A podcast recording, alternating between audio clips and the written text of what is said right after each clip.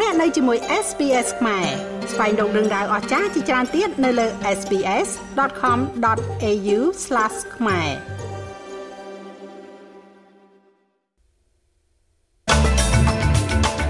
ប្រជាជនអូស្ត្រាលីរាប់ពាន់នាក់បានប្រមូលព្រមគ្នានៅវិមានអនុស្សាវរីយ៍កងទ័ពវៀតណាមនៅទីក្រុង Canberra ក្នុងខួបទី50ឆ្នាំ។មានការភ័យខ្លាចថាជនចំណាក់ស្រុកជាង60នាក់បានបាត់បង់ជីវិតហើយបន្ទាប់ពីទូកមួយគ្រឿងបានលិចនៅឆ្នេរសមុទ្រ Cape Verde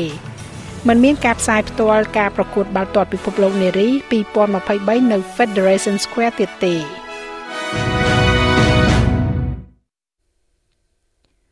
ប្រជាជនអូស្ត្រាលីរាប់ពាន់នាក់បានប្រមូលផ្តុំគ្នានៅវិមានអនុស្សាវរីយ៍កងកម្លាំងវៀតណាមនៅទីក្រុង Canberra និងទូទាំងប្រទេសដើម្បីគោរពវិញ្ញាណក្ខន្ធអតីតយុទ្ធជនវៀតណាម50ឆ្នាំបន្ទាប់ពីការដកខ្លួនចេញពីសង្គ្រាមវៀតណាម។ នៅថ្ងៃទី18ខែសីហា ឆ្នាំ1966អូស្ត្រាលីបានរងនឹងការបាត់បង់ជីវិតដ៏ធំបំផុតក្នុងអំឡុងសង្គ្រាមវៀតណាមជាមួយនឹងកងទ័ពអូស្ត្រាលីចំនួន18នាក់ត្រូវបានសម្លាប់និង24នាក់បានរងរបួសបុគ្គលិកទាហានអូស្ត្រាលី60000នាក់បានបម្រើសេវាកម្មនៅប្រទេសវៀតណាមក្នុងរយៈពេលមួយទសវត្សរ៍ហើយបានបណ្ដាលឲ្យមានមនុស្សចំនួន523នាក់បាត់បង់ជីវិតនិងប្រមាណជា3000នាក់ទៀតរងរបួស។ នៅពេលដែលអតីតយុទ្ធជនដែលនៅរស់រានមានជីវិតវិលត្រឡប់មកពីប្រទេសវៀតណាមវិញនោះពួកគេត្រូវបានជួបជាមួយនឹងការខឹងសម្បារពីសហគមន៍ជុំវិញការជាប់ពាក់ព័ន្ធរបស់ពួកគេនៅក្នុងចំនួនដែលមិនមានប្រជាប្រិយភាពមួយនេះ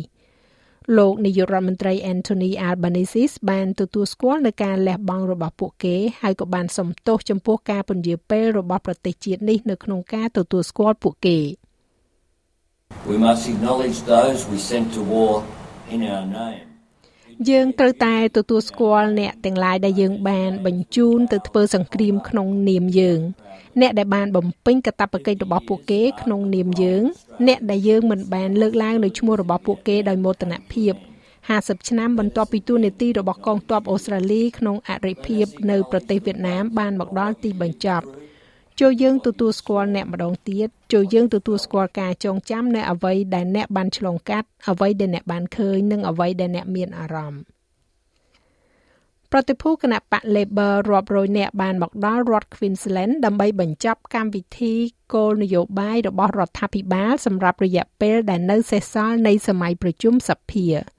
នៅថ្ងៃទី2នៃព្រឹត្តិការណ៍នេះត្រូវបានគ្របដណ្ដប់ដោយញត្តិគាំទ្រអ៊ុយក្រែននិងការថ្កោលទោសរុស្ស៊ីការបញ្ជាក់ជាថ្មីអំពីការបដិញ្ញាចិត្តរបស់គណៈបកនៅក្នុងការគាំទ្របុគ្គលមួយចំនួនក្នុងប្រទេសអ៊ីរ៉ង់ដែលរត់គេចពីរបបផ្ដាច់ការដ៏អាក្រក់និងការបដិញ្ញាចិត្តរបស់អូស្ត្រាលីចំពោះអុកអឺស។ លោកនាយករដ្ឋមន្ត្រីនឹងប្រើកិច្ចប្រជុំនេះដើម្បីពិភាក្សាក្នុងការគាំទ្រកិច្ចព្រមព្រៀងការពារជាតិអុកអឺសជាមួយនឹងសហរដ្ឋអាមេរិកនិងចក្រភពអង់គ្លេស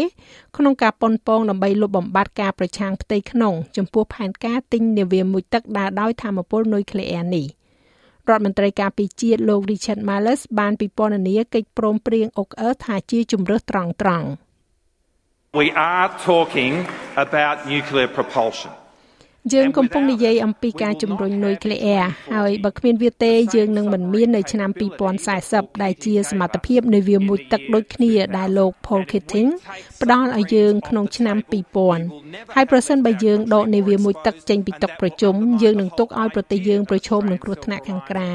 ហើយវានឹងធ្វើឲ្យខូចខាតដល់គំនិតទាំងមូលនៃការពឹងផ្អែកលើខ្លួនឯងរបស់អូស្ត្រាលីដែលជាបេះដូងនៃវេទិការបស់យើង។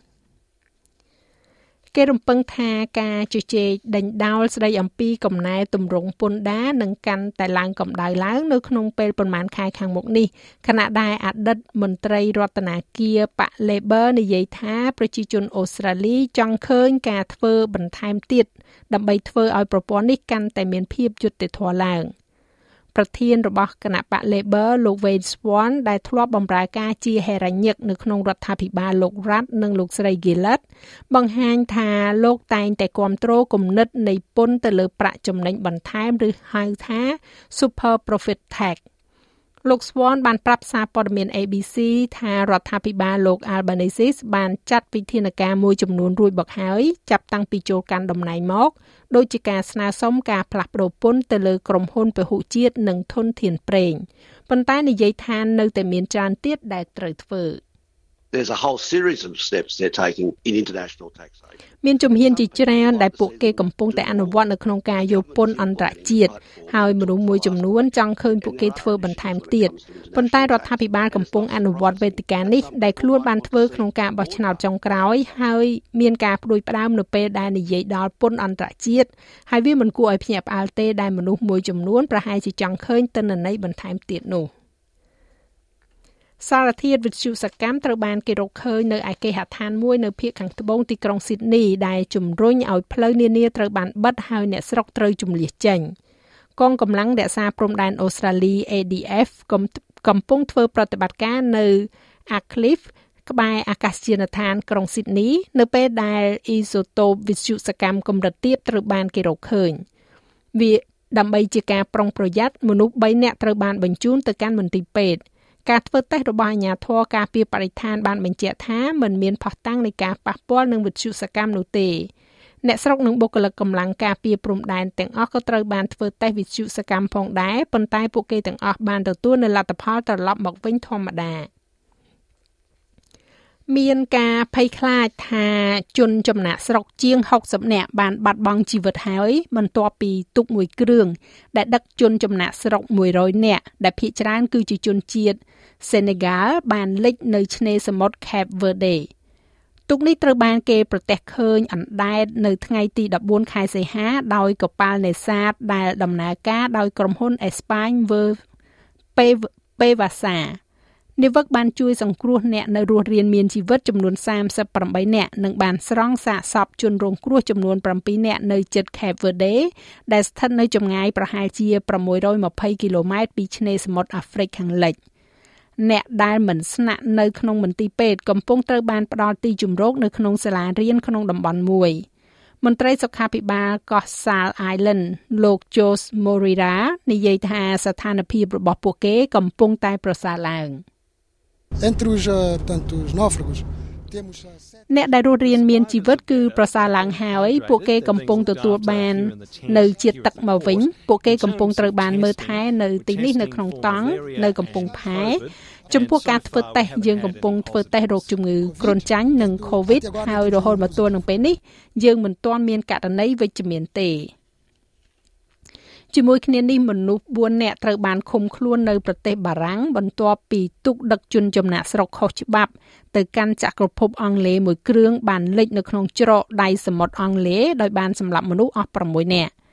មនុស្សជាង60នាក់ដែលភ ieck ច្រើនជាជនជាតិអាហ្វហ្គានីស្ថានត្រូវបានជួយសង្គ្រោះដោយក្រុមជួយសង្គ្រោះបារាំងនិងអង់គ្លេសស្ទើរតែគ្រប់គ្នានៅលើទូកនោះបានឆ្លងកាត់ជំរំនៅ Kalas Idris អាយុ22ឆ្នាំ គឺជាជនចំណាក់ស្រុកអាហ្វហ្គានីស្ថានម្នាក់នៅក្នុងចំណោមជនចំណាក់ស្រុកជាច្រើនដែលបានរួចជីវិតពីឧបទ្ទហេតុនេះ យើងបានចាប់ផ្ដើមធ្វើដំណើរទៅកាន់ចក្រភពអង់គ្លេសមានអ្នកដំណើរច្រើនពេករលកខ្លាំងណាស់ហើយទូកក៏បែក មនុស្សខ្លះធ្លាក់ចូលទឹកលង់ស្លាប់អ្នកដំណើរដែលនៅរស់រានមានជីវិតបានកាន់ពងសង្គ្រោះរបស់ពួកគេ រងចាំជំនួយមកពីប្រទេសអ៊ីតាលីឬក៏ទីក្រុងឡុងក្រុមខ្មាន់កំភ្លើងមានគ្នា6នាក់ប្រដាប់ដោយអាវុធគ្រប់ដៃនិងមានតកណុងបានសម្រុកចូលរំដោះអ្នកទោសជនជាតិចិនម្នាក់ដែលមន្ត្រីពន្ធនាគារបាននាំទៅពិនិត្យព្យាបាលថ្មិញនៅឯ clinic ពេទ្យថ្មិញឯកជនមួយនៅក្នុងក្រុងសៀមរាបប្រទេសកម្ពុជាសមត្ថកិច្ចនគរបាលខេត្តបានឲ្យដឹងថាពីរថយន្តជនជាតិចិនដែលបពពួករំដោះទៅនោះគឺជាមេខ្លោងជួញដូរគ្រឿងញៀនឈ្មោះថាឈិនស៊ីនហានត្រូវតុលាការខេត្តសៀមរាបបានកាត់ទោសឲ្យជាប់ពន្ធនាគាររយៈពេល52ឆ្នាំមេខ្លោងរូបនោះត្រូវបានសមត្ថកិច្ចឃាត់ខ្លួនបានកាលពីថ្ងៃទី11ខែសីហាឆ្នាំ2009 លោកឧត្តមសេនីយ៍តូតេងចាន់ណាតស្នងការនគរបាលខេត្តសៀមរាបបានប្រាប់អ្នកសារព័ត៌មានយ៉ាងដូចនេះថាតកតងនឹងនេះយើងកំពុងទៅតាមតាមប្រមាញ់បន្ថែមទៀតណាបងដើម្បីចាប់ជនល្មើសនឹងជនអក្រិតនឹងទាំងអស់វិញហើយព័ត៌មានផ្សេងៗខ្ញុំមិនទាន់អាចផ្ដល់បានទេគ្រាន់ថាខាងកសែតគាត់ចុះក៏មានព័ត៌មានមិននឹងតាមនឹងជាក់ស្ដែងចោះតែព័ត៌មានផ្សេងៗយើងអត់ទាន់ផ្ដល់បានទេដោយសារយើងកំពុងតែ នៅក្នុងទេវវិធីអឺស្រាវជ្រាវនឹងតាមចាប់จุดមើលវិញមកបាទអរគុណមកចាស់ឲ្យលោកមេងផល្លានឹងជួនសេចក្តីរាយការណ៍លម្អិតនៅវគ្គក្រោយជាបន្តទៀតឬលោកអ្នកអាចចូលស្ដាប់របាយការណ៍ពេញលើគេហទំព័រ sps.com.au/ ខ្មែរ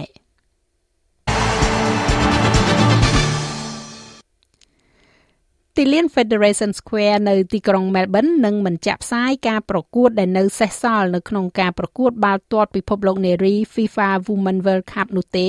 បន្ទាប់ពីមានការអុជកំជ្រួចភ្លើងនៅឯការប្រកួតវគ្គពាក់កណ្ដាលផ្ដាច់ព្រាត់រវាងក្រុម Matildas និងក្រុមអង់គ្លេសកាលពីយប់ថ្ងៃពុធកន្លងទៅនេះកម្មជ្រួចភ្លើងជាង50ដើមត្រូវបានដុតនៅក្នុងវងមនុស្សយ៉ាងច្រើនកកកដែលក្នុងនោះរួមមានទាំងក្រុមគ្រួសារដែលមានកុមារតូចៗផងដែរ។ ចាប់តាំងពីពេលនោះមកប៉ូលីសរដ្ឋ Victoria បានចេញការផាកពិន័យជាប្រាក់ជាង990ដុល្លារដល់បុរស4នាក់ដែលមានអាយុចន្លោះពី16ឆ្នាំទៅ23ឆ្នាំសម្រាប់ការមានកំជ្រួចកំភ្លើងនោះ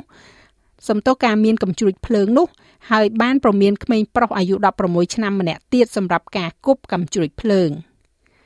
ចំណែកឯអត្រាប្តូរប្រាក់វិញ1ដុល្លារអូស្ត្រាលីនៅថ្ងៃនេះមានតម្លៃប្រមាណជា64សេនដុល្លារអាមេរិកត្រូវនឹង2650រៀលប្រាក់រៀលខ្មែរ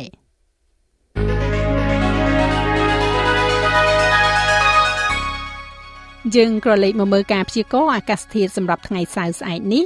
នៅទីក្រុងផឺតមានពពកដោយពេល21អង្សា នៅអាដាលេដមានរលឹមបន្តិចបន្តួច16អង្សា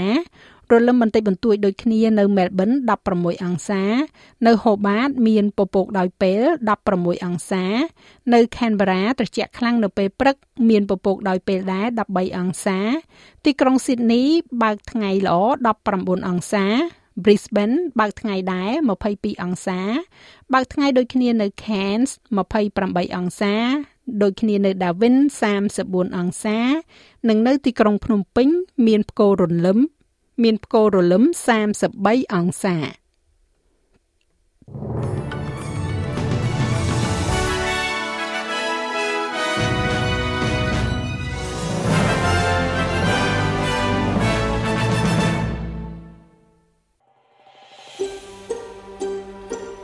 ចង់ស្ដាប់រឿងរ៉ាវបែបនេះបន្ថែមទៀតទេ